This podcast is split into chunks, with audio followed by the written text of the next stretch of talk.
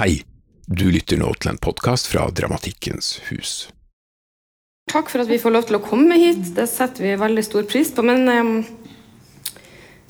uh, jeg tenkte kanskje hvis vi begynner med Om jeg kanskje kunne bare uh, lest auraen din først. Du vil lese auraen min? Ja. Ok. Da må jeg ha handa di først. da.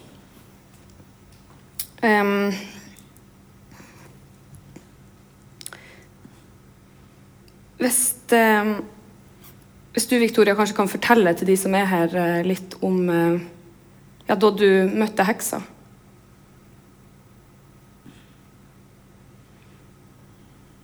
Jeg ser jo at Ja. Bare ta den tida du trenger.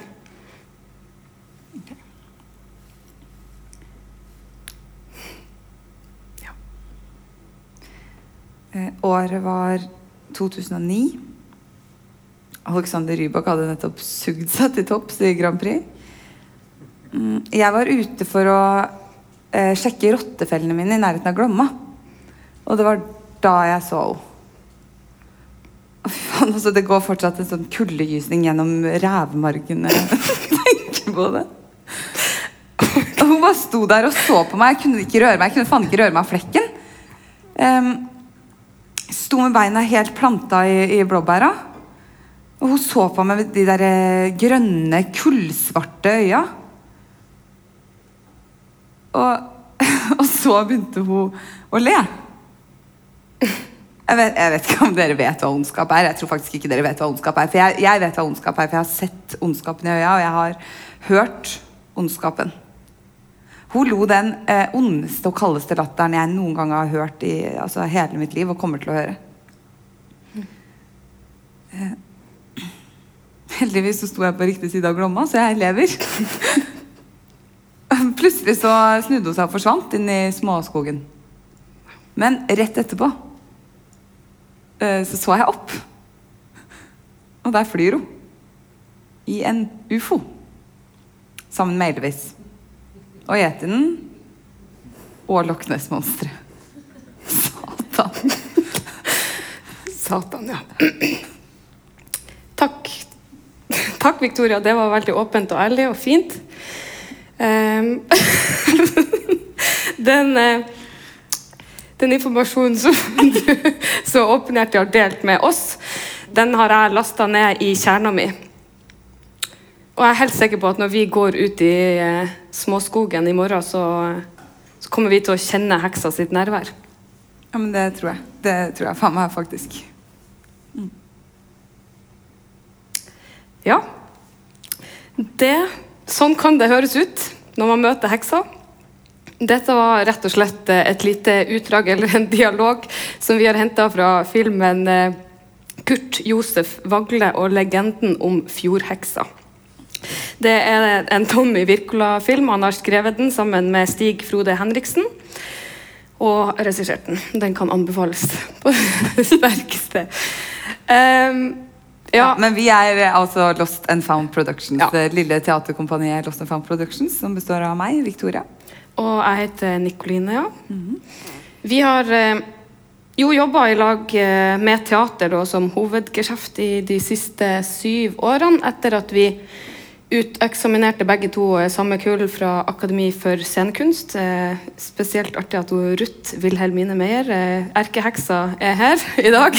Hun eh, var læreren vår på skolen og har lært oss noen triks. Kanskje det blir noe mer om det i dag. Vi får se.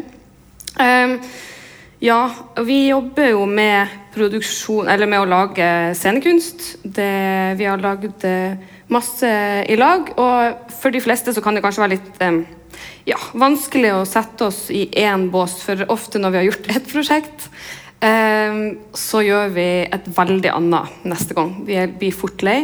Ja, og så gjør vi Vi, vi skriver sjøl, og så regisserer vi, og oftest er det også vi som spiller sjøl. Ja. så et litt sånn Ja. Vi gjør litt av Syns det er gøy å gjøre litt av alt. Men nå eh, er vi her eh, kanskje mest av alt i kraft av å være heks. Eh, det er ganske nytt for oss. Vi har vært heks i ca. et år. Eh, Begynte vel å lefle med heksing kanskje år før det igjen, men ordentlig Ja. heks har vi vært et år. Ja. ja. Eh, Det eh, var egentlig grunnen til at vi begynte med det, var for at vi skulle gjøre et, vår siste store forestilling som heter Witch Club Satan. Ehm, og i arbeidet med den forestillinga så var liksom Researchen gikk egentlig på to ting. og Det første var vel egentlig at vi måtte øve djevelsk mye på noe instrument som vi ikke kunne. For det, måtte vi vel, på en måte, det var en del av det vi måtte lære. Og så var kanskje det aller viktigste at vi skulle bli heks, og at en del av eh, arbeidet med, ja, som skuespillere og den researchperioden gikk på å finne innganger til hekseri og magi som vi sjøl kunne tro på, eh, og bruke til noe. Og ja, vi hadde vel kanskje lyst til at vi skulle bygge en karakter som vi ikke skulle slippe igjen. Eh, at vi skulle lage en karakter fra innsida som kunne være en berikende del av vår identitet, heller enn å ta på en maske for så å legge den fra seg igjen når man var ferdig med den produksjonen. Ehm, og det er vel kanskje egentlig litt av grunnen til at vi ville snakke om heks. Det er for at dette egentlig er markedsføring. Eh, for det at vi har en ganske tydelig agenda her. Vi vil jo at flere skal bli heks. Ser noen hekser allerede i salen, det er fint. Men eh, vi vil jo egentlig anbefale alle å bli heks, og du kan eh, bli heks i dag. Eh, heks er ikke en beskytta tittel på lik linje med dramatiker eller skuespiller eller, eller mange av de tingene som vi kanskje kan være. Og eh, for oss så har ja, den delen av vår identitet vært en veldig sånn befrielse, rett og slett. Um, og også endra veldig mye på ikke bare hvem vi er som personer, men også hvordan vi jobber med, med teater spesielt. Eh, vi kommer til å vise dere et litt sånn eh, persongalleri av det vi vil definere som forskjell, veldig forskjellige typer hekser i dag. Eh, kan røpe at det ikke blir så mye fakta, kanskje, eller dere skal ikke lære noe spesielt, men vi, vi syns at disse karakterene, kan man kalle de, eller folkene, har noe ved seg som vi alle kan bli inspirert av.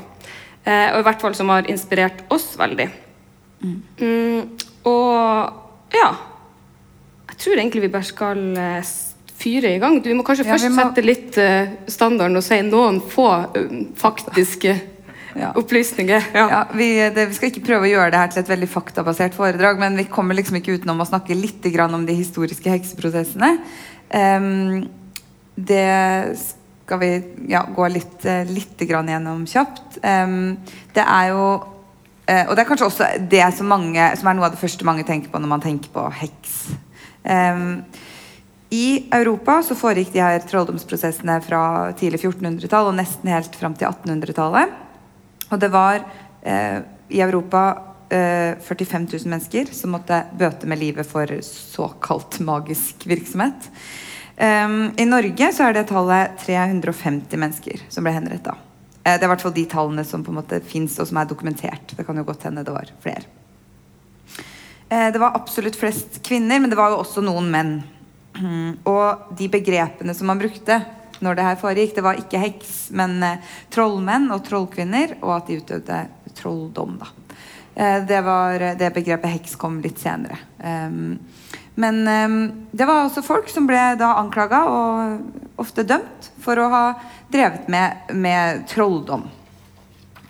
Em, og dette ble liksom eh, en del av altså dette, Disse hekseprosessene var jo et, en juridisk prosess. Det var eh, ekte. Ekte juridiske prosesser. Eh, og hvor det ble en bok som ble ganske viktig eh, som en del av det, som heter 'Maleus Maleficarum'. Eller 'Heksehammeren', som den er eh, oversatt til. Eh, den, kom, den kom ut i 1487 og er skrevet av Heinrich Kramer. Og den ble et sånn ganske tydelig grunnlag for hvordan man fant hekser, og hvordan man stilte de for retten, og hvilke metoder man på en måte brukte. da. Eh, og som det også står der, så er det ikke mer enn et rykte som skal til før det kan rettes en anklage. Eh, og i prosessen så var det også veldig utbredt bruk av tortur. Og det var jo også en del av det der med å få folk til å tilstå. ikke sant? For av åpenbare grunner så var det kanskje ikke alle som tilsto å være heks eller drive med magi. De følte seg kanskje ikke så eh, magiske. Um, men da, da, da, var det liksom mye ja, utbredt bruk av tortur for å få, for å få liksom nye navn på, på boka. Um, og det var jo også derfor man ser at det ofte er sånne litt sånn klynger eller grupper av folk som blir dømt samtidig eller rett etter hverandre. Da, fordi at de har blitt pressa til å angi hverandre. Eh, hvis man ikke tilsto, så fantes det jo også noen andre metoder da, for å kunne bestemme om en person var heks eller ikke. Og da er jo en av de mest eh, utbredte metodene var vannprøven. Eh, da ble den mistenkte eller eh, anklagde dømt. Eh, den ble ikke dømt ennå, men den ble bundet på hender og føtter. bundet sammen, Og så kasta eh, i vannet.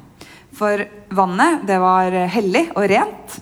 Og da var altså tanken at hvis du er uskyldig, så vil vannet ta deg til seg, det vil synke. Mens vannet vil støte fra seg hekser, eller de som er de som var uh, mistenkt for å være det. Eh, så da var det jo sånn at hvis du fløt, så var du heks, og da ble du brent på bålet. Og hvis du sank, så var du uskyldig, men da var det kanskje for sent.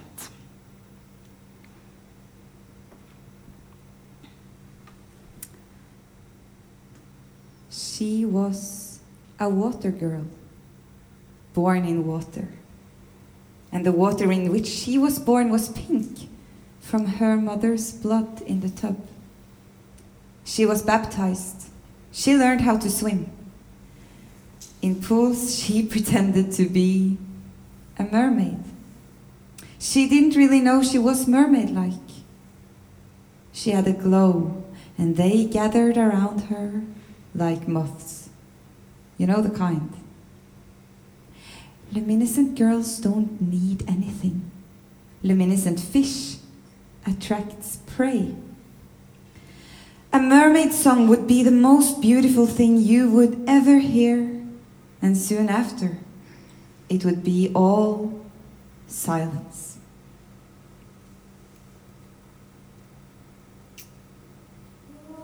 She was a water girl. She always felt at home while crying. The ocean presented her with endless promise and endless longing. Our water girl woke up in the middle of the night one night and went alone to the shore. She jumped out of her dress and into the blue. Her skin was shining under the waves. She was freedom. But then, she was like Ophelia too, soon cold Beauty is dangerous. Luminescent girls don't need anything, yet they attract anything. And this moonlight magnet was a threat to anyone who tried to deny her light. That was her only crime. It was decided by law that she who floated would be dead by fire. Our water girl was undressed, she was naked and the executioner cut her long hair off. He tied her hands and feet together. He tied another rope around her waist to drag her up before it was too late. Holy water, wash away our. But then she was a water girl. She was born in water. She was not afraid of the deep, so she cut the cord and sank with her ship of dreams.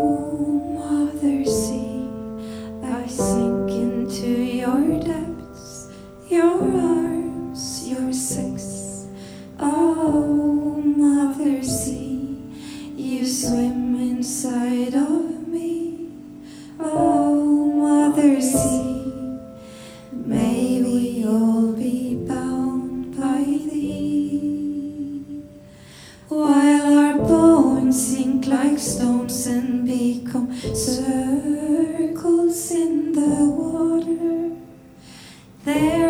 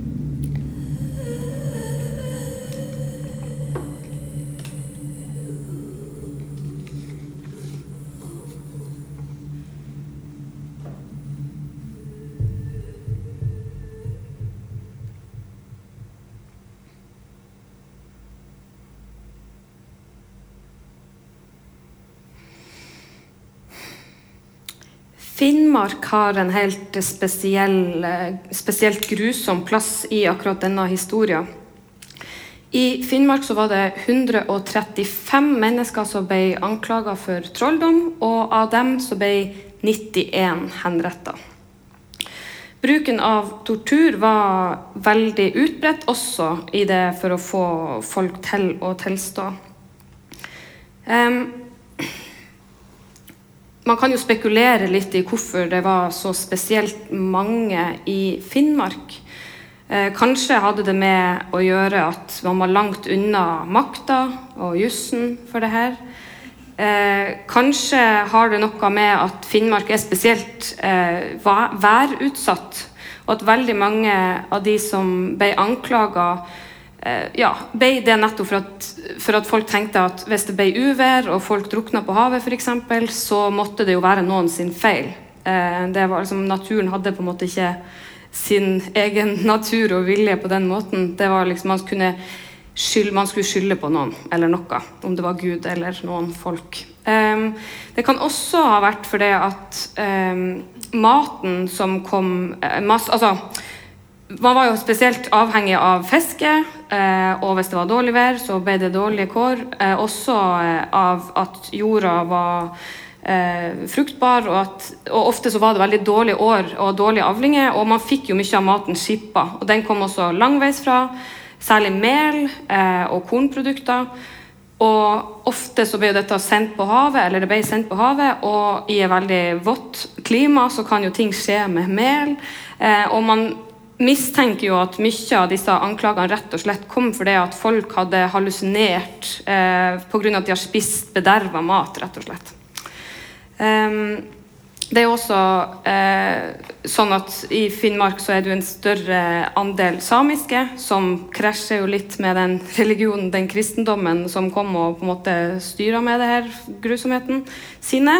Eh, og f.eks. bare det å spille trommer og, og synge var jo også sett på som eh, trolldom, egentlig.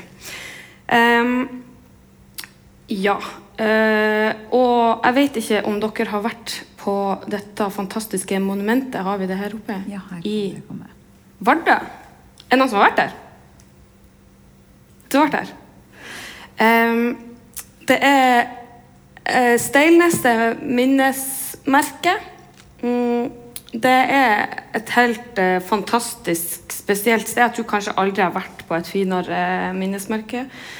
Eh, her er det altså Flammehuset, eh, som dere ser til venstre. Det er den svarte boksen. Der er det den brennende stolen, et kunstverk av eh, Louise Bour... Ja, hvordan sier man det på fransk?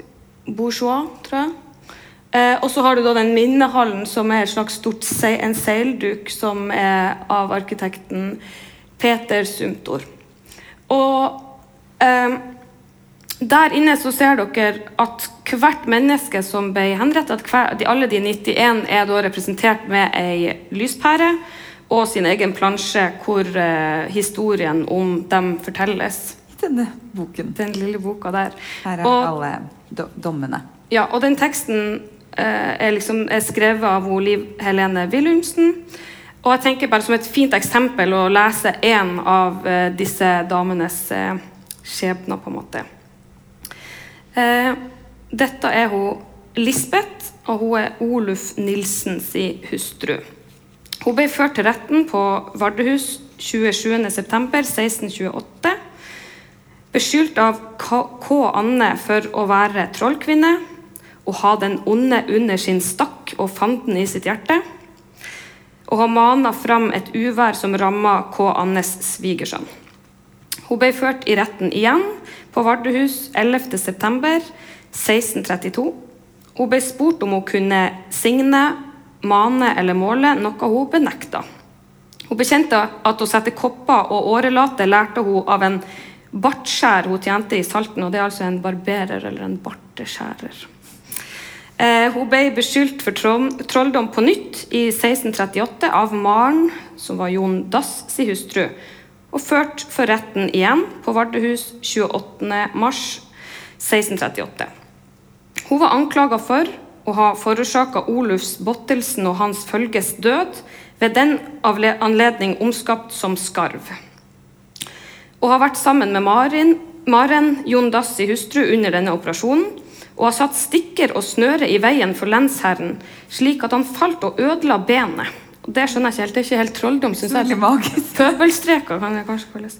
Og har gjort dette for at lensherren snakka hardt til henne. Hun gjennomgikk vannprøven og fløyt som en dupp. Bekjente at hun lærte troll, en trolldomsformel på tre ord av ei finnekone på Rensås. Kjent skyldig i bruk av trolldom, dømt til ild og bål. Det er en sånn typisk ting man ser veldig mange ting som går igjen eh, når man går gjennom den her. Altså, det som er så fint, er at du må på en måte gå sakte langs, og det kjennes ut som et sånn ondt år av altså Når du leser på alle de her plansjene og går Det er så uendelig mange. 91 historier, sterke historier, det er voldsomt. Men det som er litt spennende, er jo at du ser veldig sånn tendenser og sammenhenger. Ehm, ja, typiske ting var jo det at man kanskje hadde gjort noen syk. Uh, F.eks. dyr eller mennesker. Eller det her med å skape uvær var jo også veldig sånn stor ting. Men også det å henge med andre hekser, eller å liksom ha møtt, vært på en fest med djevelen, og noen har til og med kyssa fanten i rumpa, altså. Det er jo ganske drøyt. Eh, eller det kunne være sånn at man har forgifta andre, eller særlig det her med at man reagerer på brød eller øl eller eh, ja, ting som man får servert, og da må man jo selvfølgelig være heks, for da har man forgifta maten. Eh, på denne tida så snakka man om tre former for magi. Hvit magi, svart magi og djevelpakt. Hvit magi er mm, så, sånn, så å si god magi, eller på en måte magi med gode intensjoner eller hensikter. Det er healing, eller om det var at man kunne ja, formler for å stoppe blod, eller for å eh, lege sår, eller eh, ja, eh, mange ting. Da. Det er jo veldig kobla opp mot naturmedisin. Um, Svart magi er jo mer eh, å, å på en måte bruke trolldom for å gjøre noen ondt, om det var folk eller fe, eller eh, ja, skape dårlig stemning generelt. og så har du det med djevelpakten. Um, det er jo i stor uh, grad damer som dømmes, uh, men også noen menn. Men akkurat det her med djevelpakten er spesielt for kvinner. Det går uh, gjerne sammen med kvinners seksualitet. Og ofte så er man jo da beskyldt for å ha noen som får for seksuell relasjon til djevelen, eller bare en slags pakt eller et vennskap. Da. Um, det var også litt sånn at eh, de djevelpaktene ble mer og mer vanlige å bli dømt for litt sånn senere Jo senere man kommer i trolldomsprosessene, da, så var det mer og mer djevelpakt som gjaldt. Ja, nå har vi da satt sammen det her galleriet av litt sånn vel, eller veldig ulike hekser som vi vil presentere for dere. Og gjennom dem så prøver vi å se litt på noen typiske trekk eller fordommer som folk gjerne har hatt eller har, eh, om hva som liksom er hekseaktig. Eh, og vi håper jo at de kan være til inspirasjon for hvordan heks du kan være på et eller annet vis. Hvis man skal se på noen fellestrekk ved de heksene som vi har valgt, så er det at de eh, gjerne utfordrer normer. Eh, de er veldig tydelige personligheter ofte, som tar sin plass. Det er liksom vanskelig å unngå å se dem. Og de har et eller annet ved seg som føles for noen litt truende, eller som er litt vanskelig å like. Og så mener vi at de også er magiske. Den eh, første heksa vi skal snakke om, er en av de her historiske heksene. Og det er min eh, egen eh, guide på en måte inn i, inn i hekseri. Anne Rimer. Hun er fra Fredrikstad, som meg. Eh, og det er også der hun døde, da. Anne Rimer var eh, egentlig det er jo, Mange av de her historiske heksene var egentlig helt vanlige folk. De var ikke engang spesielt rare eller irriterende. Men Anne var nok litt sånn der eh, Litt punker, da. Hun eh, var eh, i hvert fall stakk seg litt fram. Um, fordi at de var ekstremt fattige. Eh, Anne bodde sammen med Hun hadde en søster som het Marte. Eh, og man vet, man vet ikke helt hvor gammel hun var. Eh, det er litt vanskelig å finne. Men eh, det er grunn til å tro at hun var ganske ung da hun døde, for hun bodde i fortsatt sammen med søsteren sin. Og de var, de var fattige, og, og for å liksom hevde seg litt, eller få en eller annen form for respekt, så var det Anne sjøl som gikk rundt og sa at hun hadde litt magiske krefter. Eh, Det fikk jo helt fatale konsekvenser for henne. For i eh, 1653 så var det en stor bybrann i Fredrikstad. Nesten hele byen brant ned. Og det var det Anne og Marte som fikk skylda for. Eh, De skulle ha starta den bybrannen her. Eh, Marte var vel ikke helt Det var vel litt usikkert om hun hadde noe særlig magiske evner, eh, eller om hun bare brukte fyrstikker. Mens Anne da skulle ha ja, starta denne brannen ved hjelp av trolldom. Og for det så ble de begge dømt. Marte ble dømt til å ja, forvist fra byen og skulle aldri komme dit igjen. Da ville hun bli drept, men eh, hun, hun fikk leve, da. Mens eh, Anne Rimer ble dømt til å brennes på bålet, og det skjedde på Lucia-dagen. 13.12. i 1653. Eh, Det sies, eh, eller jeg har lest, at de var rett og slett så fattige at selv om de pantsatte og eller solgte alt de eide, så var det ikke engang nok til å dekke lønna til bøddelen. Så det var Anne. Ja. vi vet vel heller ikke hvilket stjernetegn hun er født i. Nei, det var vanskelig å finne fødselsdato, rett og slett. Det gjelder for neste heks ut. The Wicked Witch of the West. Vi vet dessverre ikke stjernetegnet hennes heller, så vi kan ikke si om det passer så godt. Men eh, hun her kjenner dere kanskje igjen eh, fra en av altså, popkulturens eh, ja, viktigste filmer, egentlig. Eh, 'Trollmann fra Os', eh, basert på Frank Baum, Baums sin barnebok fra 1900. Hun her er den desidert største skurken eh, i historien. Eh, I eh, den filmen og boka er litt forskjellig, men i, i begge deler så, så er det sånn at Dorothy, hovedkarakteren sitt hus, eh, blir tatt av en orkan, eh, en tornado, og er blåst av gårde til et nytt land, Os. Og der havner hun rett på søstera. Altså søstera til The Wicked Witch of the West, The Wicked Witch of the East, eller i hvert fall hek, øst, ja, heksa fra øst. Så hun dør, og søstera blir eh, eh, temmelig forbanna. Grunnen til at hun her eh, får lov til å være med, er jo at hun på mange måter har definert liksom selve liksom bildet på eh, hvordan folk tenker at ei heks ser ut. I hvert fall hvis du skal liksom kle deg som sexy heks på halloween, eller kanskje ikke så sexy, men liksom den hatten. Eh, hun er, her er det svart-hvitt, men hun har også grønn hud. Hun har eh, vorte på haka, litt sånn krokete nese. Eh, hun er over 30. Hun rir på et kosteskaft. Hun rir på et kosteskaft. Hun er på mange måter liksom blitt selve symbolet eh, Ja, pop, det popkulturelle symbolet på heks. Eh, det er også skrevet en egen musikal om henne, og der får vi jo vite litt mer om ja, Wicked heter den. Der får man vite litt mer om hvorfor hun er som hun er. og Der følger man en litt sånn typisk sånn narrativ. Heksa er litt ustøtt, ikke så populær, eh, litt sånn på utkanten, og dermed blir hun litt sint og skuffa og slem til slutt. da. Um, ja, og så som mange andre hekser så er hun her ikke spesielt glad i dyr. Eller det er ikke sant, men hekser har ofte et tydelig forhold til dyr. Enten så, så, er de veldig glad i dyr, kan kanskje kommunisere med dyr. Noen kan gjøre seg om til dyr. Andre, kan, eh, hate, eller andre hater dyr, eller føler seg på en måte sett eller avslørt av dyr. Eh, litt som hun her som er veldig sint på hunden til Dorothy.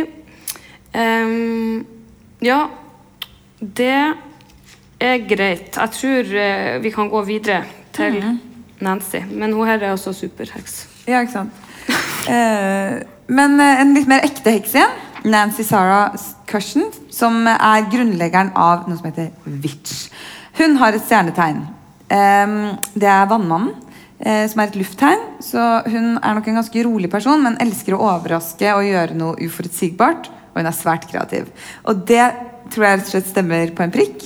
For eh, Witch det står i denne sammenheng for Women's International Terrorist Conspiracy from Hell. De var en eh, aksjonistisk, feministisk gruppe som eh, starta eh, i, i, USA, i New York, på 60-tallet, og som var aktive under liksom, den feministiske bølgen da.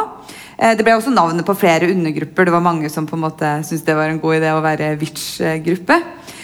Og det som er veldig spennende med de, det er jo at de brukte teatralitet og performativitet ekstremt aktivt i sin aksjonisme.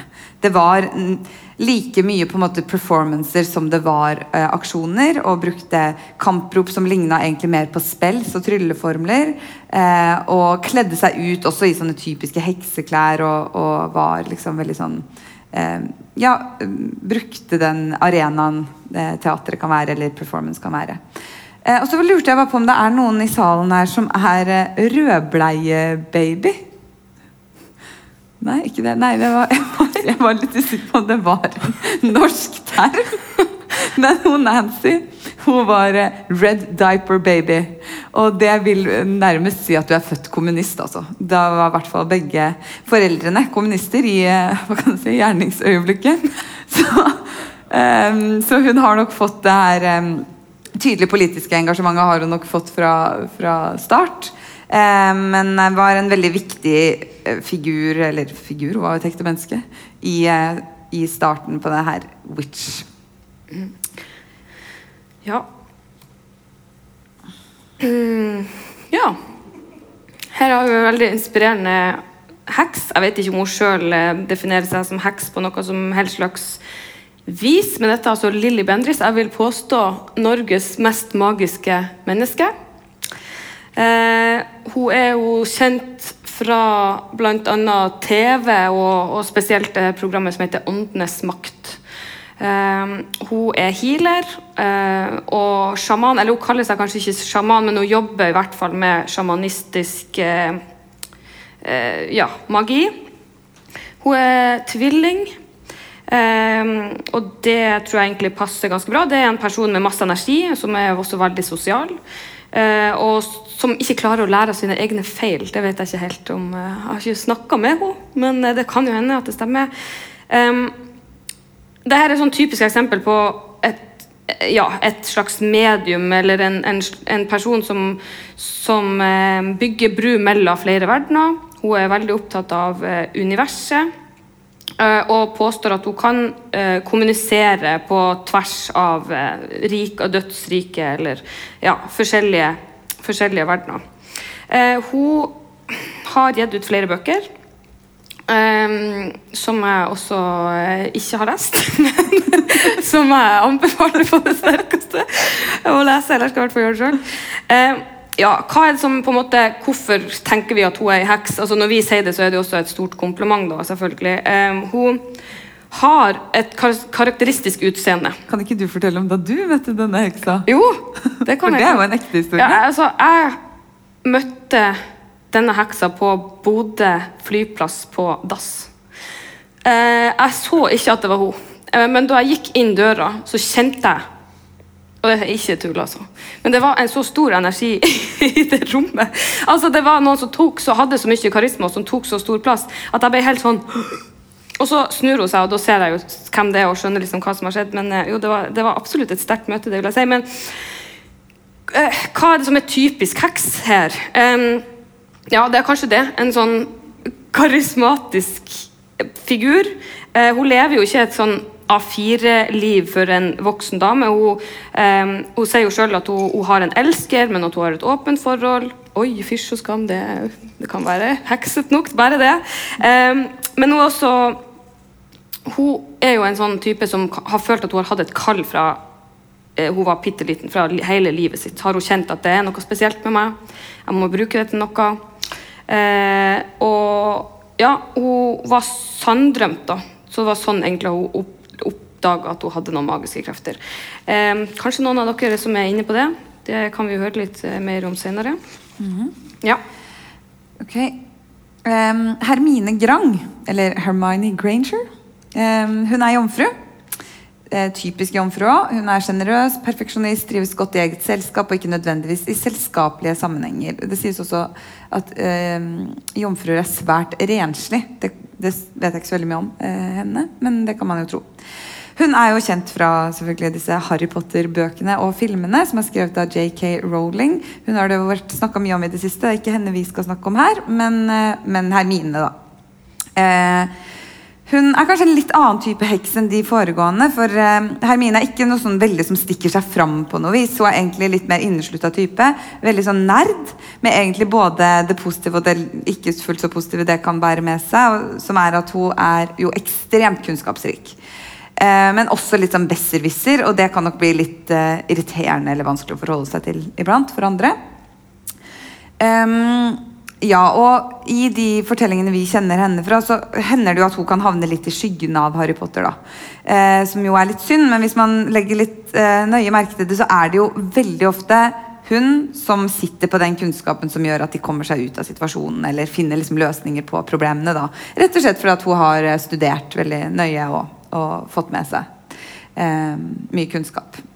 Eh, Hermine utdanner seg jo profesjonelt til heks eh, på Galtvort. Eh, og studerer jo veldig sånn flittig eh, der. Men i likhet med sine studiekamerater Harry og eh, Ron, eller Ronny, så får hun faktisk ikke fullført skolegangen sin. Da det siste året må heller brukes til å bekjempe ondskap. Men på Galtvort, så langt hun får eh, studert der, så eh, er det jo veldig sånn klassisk magi på en måte som disse aspirerende heksene og trollmennene lærer. Det er, for eksempel så er det jo veldig sånn at um, en energi som skal kanaliseres gjennom en pinne, eller en tryllestav Jeg har med et eksemplar her i dag. Uh, som er, dette er tryllestaven til professor Snape, som jobber på uh, Galtvort. Den kan dere studere nærmere etterpå. Den er ganske spesiell.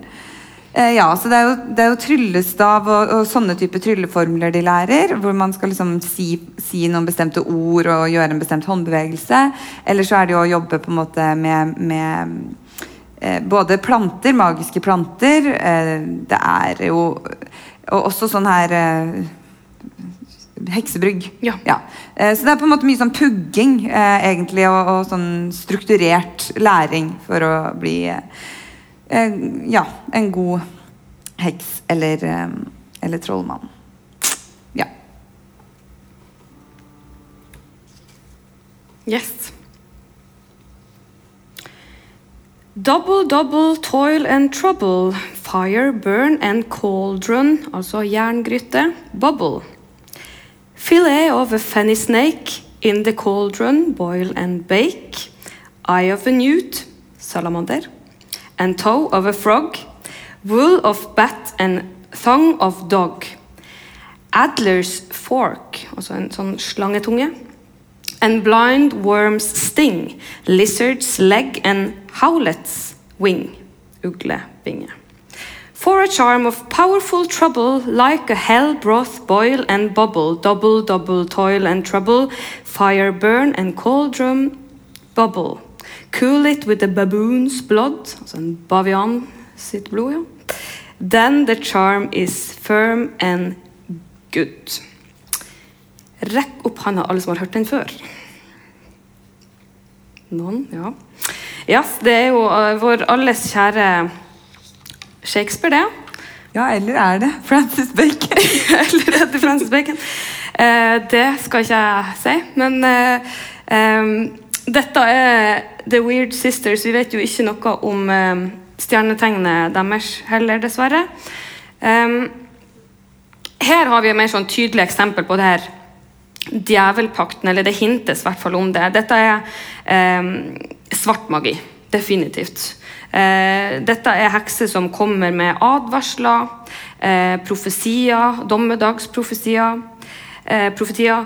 Det er jo litt sånn at de snur på en måte hele historien om Macbeth inn til en litt sånn overnaturlig dimensjon og forstyrrer moralen.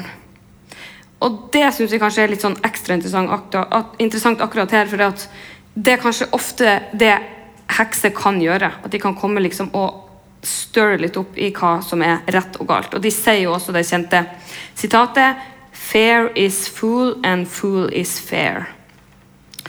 Eh, ja. Ja. Da skal vi til en eh, dagsaktuell eh, heks. Eh, Greta Thunberg. Eh, om hun kaller seg heks sjøl, det vet vi ikke. Eh, men vi vet at det er andre som kaller hun heks. Med sikkert litt ulik måte, bakgrunn for å bruke det ordet.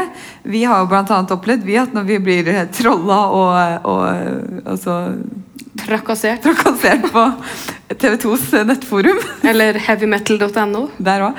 Da, da er det rett og slett enkelte som bare poster en gif med Greta Thunberg som et slags Det tror jeg er ment som et skjellsord, men for oss er jo det en skjellsgif. Men for oss er jo det selvfølgelig et eh, utrolig fantastisk kompliment. Eh, så når vi kaller Greta Thunberg heks og har henne med på vår liste, så er det selvfølgelig i ordets absolutt beste mening. Eh, vi tenker at hun er en litt sånn klassisk, moderne heks. Eh, som har en eller annen på en måte, politisk motivasjon og i hvert fall en veldig tydelig agenda for å forandre verden. Eh, når hun holder taler, eh, så er det også med et sånn hint av eh, for, eh, forbannelser eller spells i det. Gjerne ved å bruke på en måte repetisjon. Jeg skal lese bare et, starten av, det, av talen hun holdt i 2019, tror jeg, under, til FN. Hvor hun sier Dette er galt. Jeg skulle ikke vært her oppe. Jeg skulle vært på skolen på den andre siden av havet. Likevel kommer dere alle sammen til oss unge for håp. Hvordan våger dere? Med de tomme ordene deres har dere stjålet drømmene mine og barndommen min. Og likevel er jeg en av de heldige. Folk lider. Folk dør. Hele ekosystemer, økosystemer kollapser. Vi er i begynnelsen av en masseutryddelse, og alt dere kan snakke om, er penger og eventyr om evig økonomisk vekst. Hvordan våger dere? Og dette 'hvordan våger dere' repeterer hun også flere ganger senere i talen, sånn at det på en måte blir eh, ja, både poetisk, men også litt sånn ja, vi tenker magisk da, måte å bruke ordene på. Eh, hun eh, er også hekseaktig i den forstand at hun viser følelser i offentlighet. Eh, viser engasjementet sitt gjennom følelser, bl.a. den ganske forbudte følelsen sinne. Og også ved at hun gråter, eller ja, eh, ja viser sinne og tårer da, som en del av eh, talene sine. Mm. Hun har, i likhet med mange andre hekser, et eh, distinkt utseende. Det er litt så lett å dra kjensel på henne. Og derfor blir hun jo også lett en sånn poster girl både for fans, folk som er enig med henne, og også meningsmotstandere. Eh, vi tenker at eh, Greta Thunberg jobber med hvit magi, og, eh, ja, og at eh, den connection og den, det sterke engasjementet rundt natur er også en litt sånn typisk hekseting. Å på en måte føle sterkt med naturen og bry seg om den. Eh, og sånn sett så, så er det også et, sånn, et sånn typisk hekseaktig trekk. da. Eh, Greta Thunberg er steinbukk. Eh, det kommer kanskje ikke som noe overraskelse for dere, for hun er jo mm, både målbevisst, ambisiøs og en person som kanskje kan virke harmløs, men som har bein i nesa.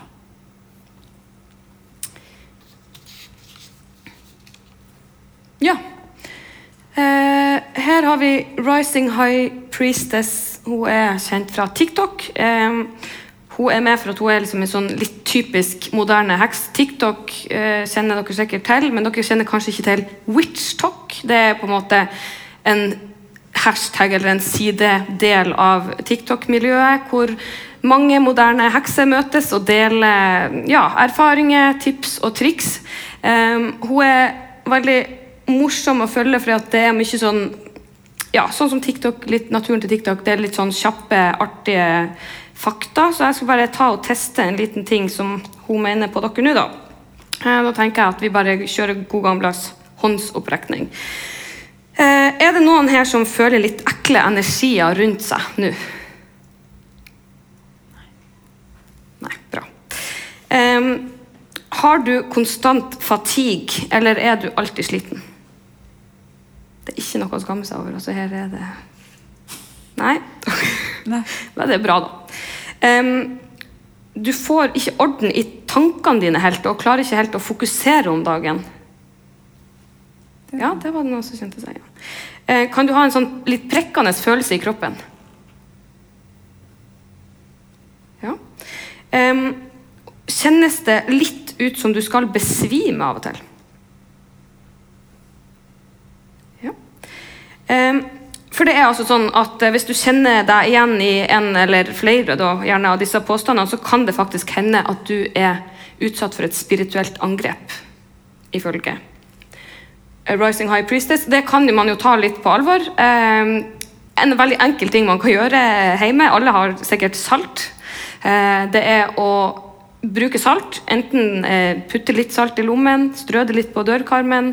Eh, salt er veldig sånn jordings... Ja, det gjorde ting. Og det kan eh, hjelpe da, hvis du eksempel er under et sånn spirituelt angrep. Da. Det sier i hvert fall hun her. Dette er en healer, typisk, eh, hun kaller seg også for skyggearbeider og badass spiritualist.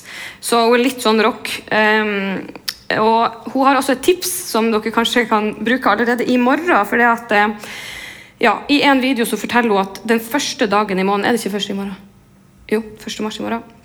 Da kan du enkelt og greit ta litt kanel i handa di, og så kan du blåse det i ditt hjem.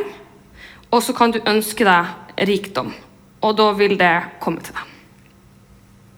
Det går an å prøve.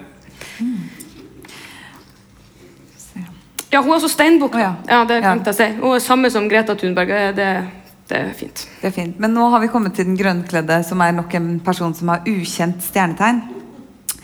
Eh, den grønnkledde hun er kjent fra Per Gynt av eh, Henrik Ibsen, som eh, ble skrevet i 1867. Eh, den grønnkledde er en litt sånn typisk sirene, som er en, eh, en form for heks. Som er gjerne de derre lokkende figurene. Eh, som både appellerer til og ofte også utnytter menn. Eh, og den grønnkledde er jo sånn sett i slekt med huldra og med havfruer og med andre sånne sirener. da. Eh, hun bruker sitt vakre utseende til å oppnå det hun vil, men så på en måte viser hun seg å egentlig være stygg. Det er kanskje litt symbolsk, men hun er i hvert fall eh, ja, stygg både utenpå og kanskje inni også. Og så skal vi snart eh, eh, snakke litt mer om på en måte magien i teatret. Men eh, før det så vil jeg bare si litt om det å kalle seg heks, som vi gjør sjøl, og som også mange gjør sjøl. Eh, for oss er jo det et også ganske sånn eh, tydelig feministisk prosjekt. For heksa er ikke en person som føyer seg, eller som er så opptatt av å være så veldig eh, flink eller ordentlig, på en måte. Eh, det er en sånn frihet til å kunne eh, ta den plassen man syns man skal ta, uten å kanskje være så redd for å tråkke folk på tærne. Man skal være snill, men det, man trenger ikke å ta hensyn på bekostning av seg sjøl hele tida. Eh, og um, det er det jo mange som har gjort før oss, selvfølgelig. Eh, men det er også en dimensjon av, eh, av å være heks som, som vi syns er viktig å eh, nevne i denne sammenhengen. Ja, og så er det jo dessverre ikke sånn at hekseprosesser og anklagelser hører fortida til. Altså fra 1994 til 1998 så ble nærmere 5000 mennesker drept bare i Tanzania. Ganske lignende de, de hekseprosessene som vi har snakka om eh, i dag. Um, og dette skjer også fortsatt i, flere land i Afrika, Asia og Sør-Amerika. Og mindre alvorlige hekseprosesser skjer jo over hele verden. Heks er et veldig vanlig skjellsord for eh, kvinner. Eh, og den bærer jo med seg en veldig sånn potensiell eh, dehumanisering, egentlig. Noe som går igjen hos de som liksom ufrivillig stemples som heks, er ofte at de er kvinner og gjerne i maktposisjon eller på vei inn i en maktposisjon. Og kvinnelige politikere får særlig gjennomgå. Det kan jo kanskje ses på som et litt barnslig slengbemerkning og, og, litt uskyldig kanskje å kalle noen for heks i dag, men eh, de fleste, dette er kanskje fordi at de fleste eh, undervurderer litt fantasiens kraft. Um, men vi skal ikke glemme at de hekseprosessene som eh, at hekseprosessene historisk sett var kvinner som ble drept fordi at menn mente at de kunne utgjøre en trussel. Og det er jo et alvorlig ekko av nettopp det når dette narrativet her, når f.eks. Hillary Clinton eh, blir eh, omtalt som 'the wicked eh, witch'. For hekseprosesser er jo også strukturell sexisme på mange måter. Eh, og, og, bare det å kalle noen heks er også det. Eh, og Derfor så føles det meningsfullt for oss og sånn i et, i et feministisk perspektiv å kalle seg for heks og ta det ordet eh, sjøl og på en måte definere seg sjøl som det. Eh, men det er også veldig mange andre gode grunner til å bli heks. Og etter å ha studert de anklagene og dommene som, eh, til de som ble henrettet under hekseprosessene i Finnmark, så er det nesten egentlig litt skuffende å se hvor få av de som faktisk jobba med magi, eller sjøl mente at de gjorde det. Eh, men de som faktisk hevda at de gjorde det, det var gjerne folk som drev med hvit magi og som hadde gode hensikter. Og Det er vel også det man ser i den trenden med hekseri nå, at eh, i dag, som er en stor trend eh, Men det dreier seg gjerne om den nettopp hvite magien, om det å ta vare på naturen, eh, og om å skape egentlig en slags endring til det bedre. Den uh, nye bølgen av hekseri den gjør akkurat sånn som oss. Den shopper egentlig the best of uh, alle worlds og bruker på en måte ting som er masse, masse hundre år gammelt, men også liksom, ja, ting fra populærkulturen. Blir inspirert av um, alt mulig. Um, og Uh, ja, du har jo veldig mange forskjellige typer hekser. Uh, hvis man ser på Witch Talk eller uh, ja, andre plasser hvor det er jo masse artikler og spennende ting med moderne heks i dag. Det fins kjøkkenhekser som på en måte legger veldig masse av magien i det å lage mat. Du har Cottage Witch, witch som, liksom, som, bruker det her med å dekorere hjemmet sitt um, på en spesiell måte. du har krystallhekse og tarothekse og sexhekse og eh, grønne hekser og astrologihekser og ja. Det fins veldig mange forskjellige, og du har også teaterhekser, sånn som oss. Så dere kan shoppe litt her òg sjøl, hva, hva, dere kjenner dere eh, igjen i.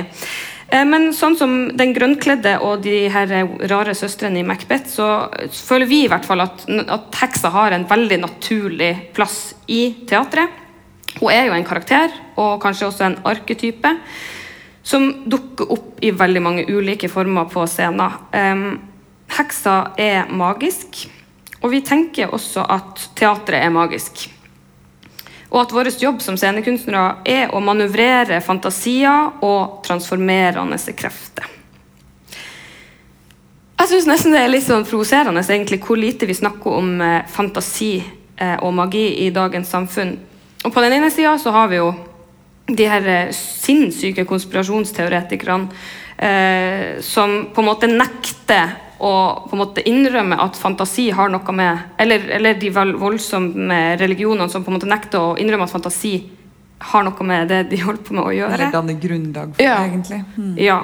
Eh, Og på andre sida så har vi f.eks. en del av befolkninga, barn, som har kanskje det rikeste og har mest kontakt med fantasien og magien i seg, men som vi voksne hele tida skal på en måte passe på at ikke liksom mister bakkekontakt og skal si nei, men det er jo bare fantasi.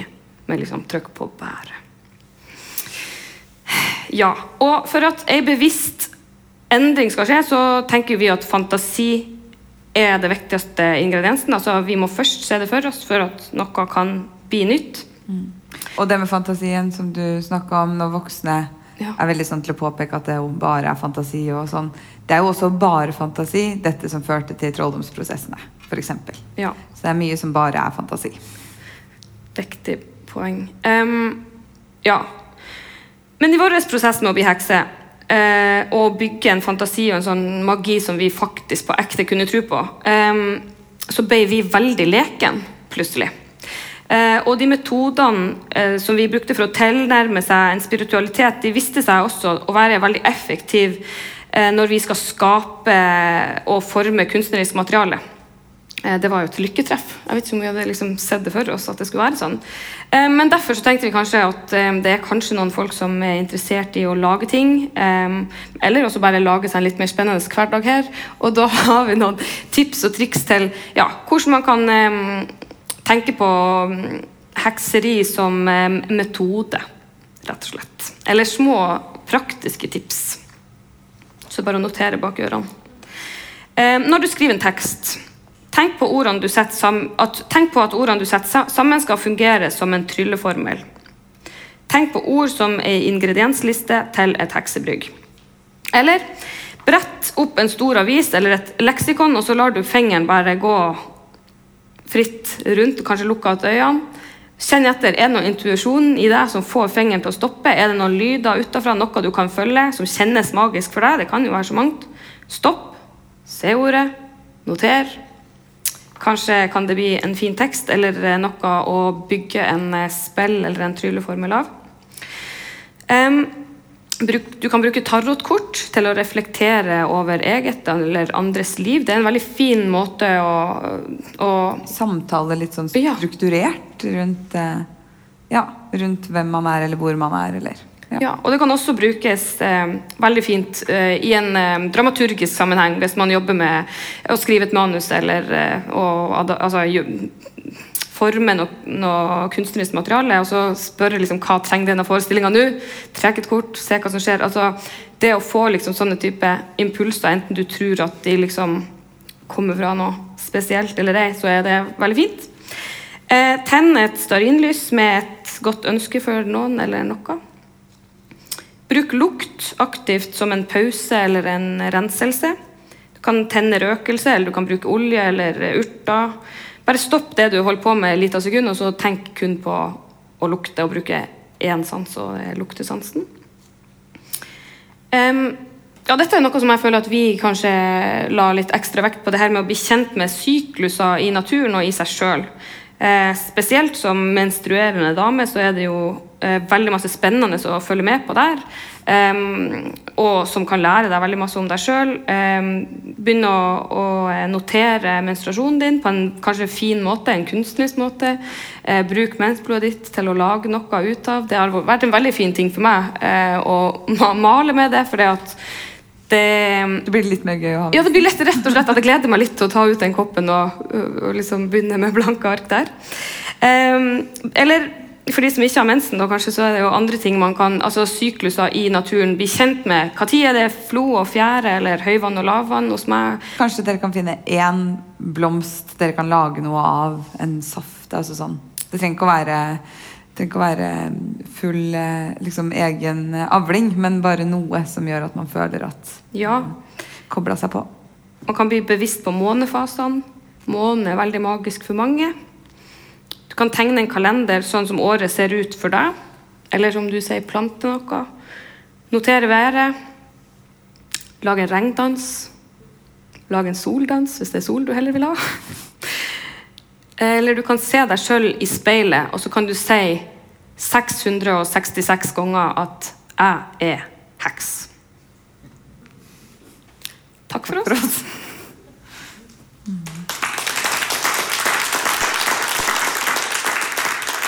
Du har hørt en podkast fra Dramatikkens hus.